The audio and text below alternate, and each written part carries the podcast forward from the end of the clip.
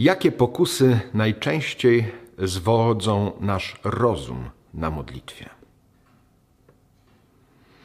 Jeżeli nasz rozum staje na modlitwie, jeżeli pragniemy y, uprawiać modlitwę myślną, jeżeli chcemy dokonywać jakiejś analizy, jakiegoś myślenia o Bogu i Jego sprawach, wtedy natychmiast pojawiają się różnego rodzaju rozproszenia.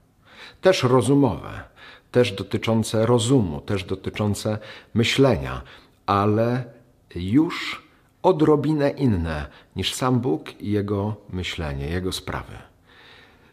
Tego możemy się spodziewać, jeżeli rozum ma stanąć na modlitwie, a jest do tego oczywiście zaproszony, możemy się spodziewać, że ten rozum również będzie zwodzony w taką czy inną stronę, żeby tylko odciągnąć od Boga i Jego spraw.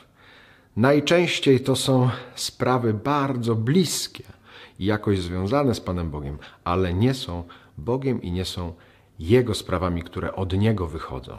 Bardziej to są podobne sprawy, które mają całkiem inne źródło. Bądźmy na to uważni, bo to bardzo subtelna różnica. I nie bójmy się stawać e, rozumnie na modlitwie.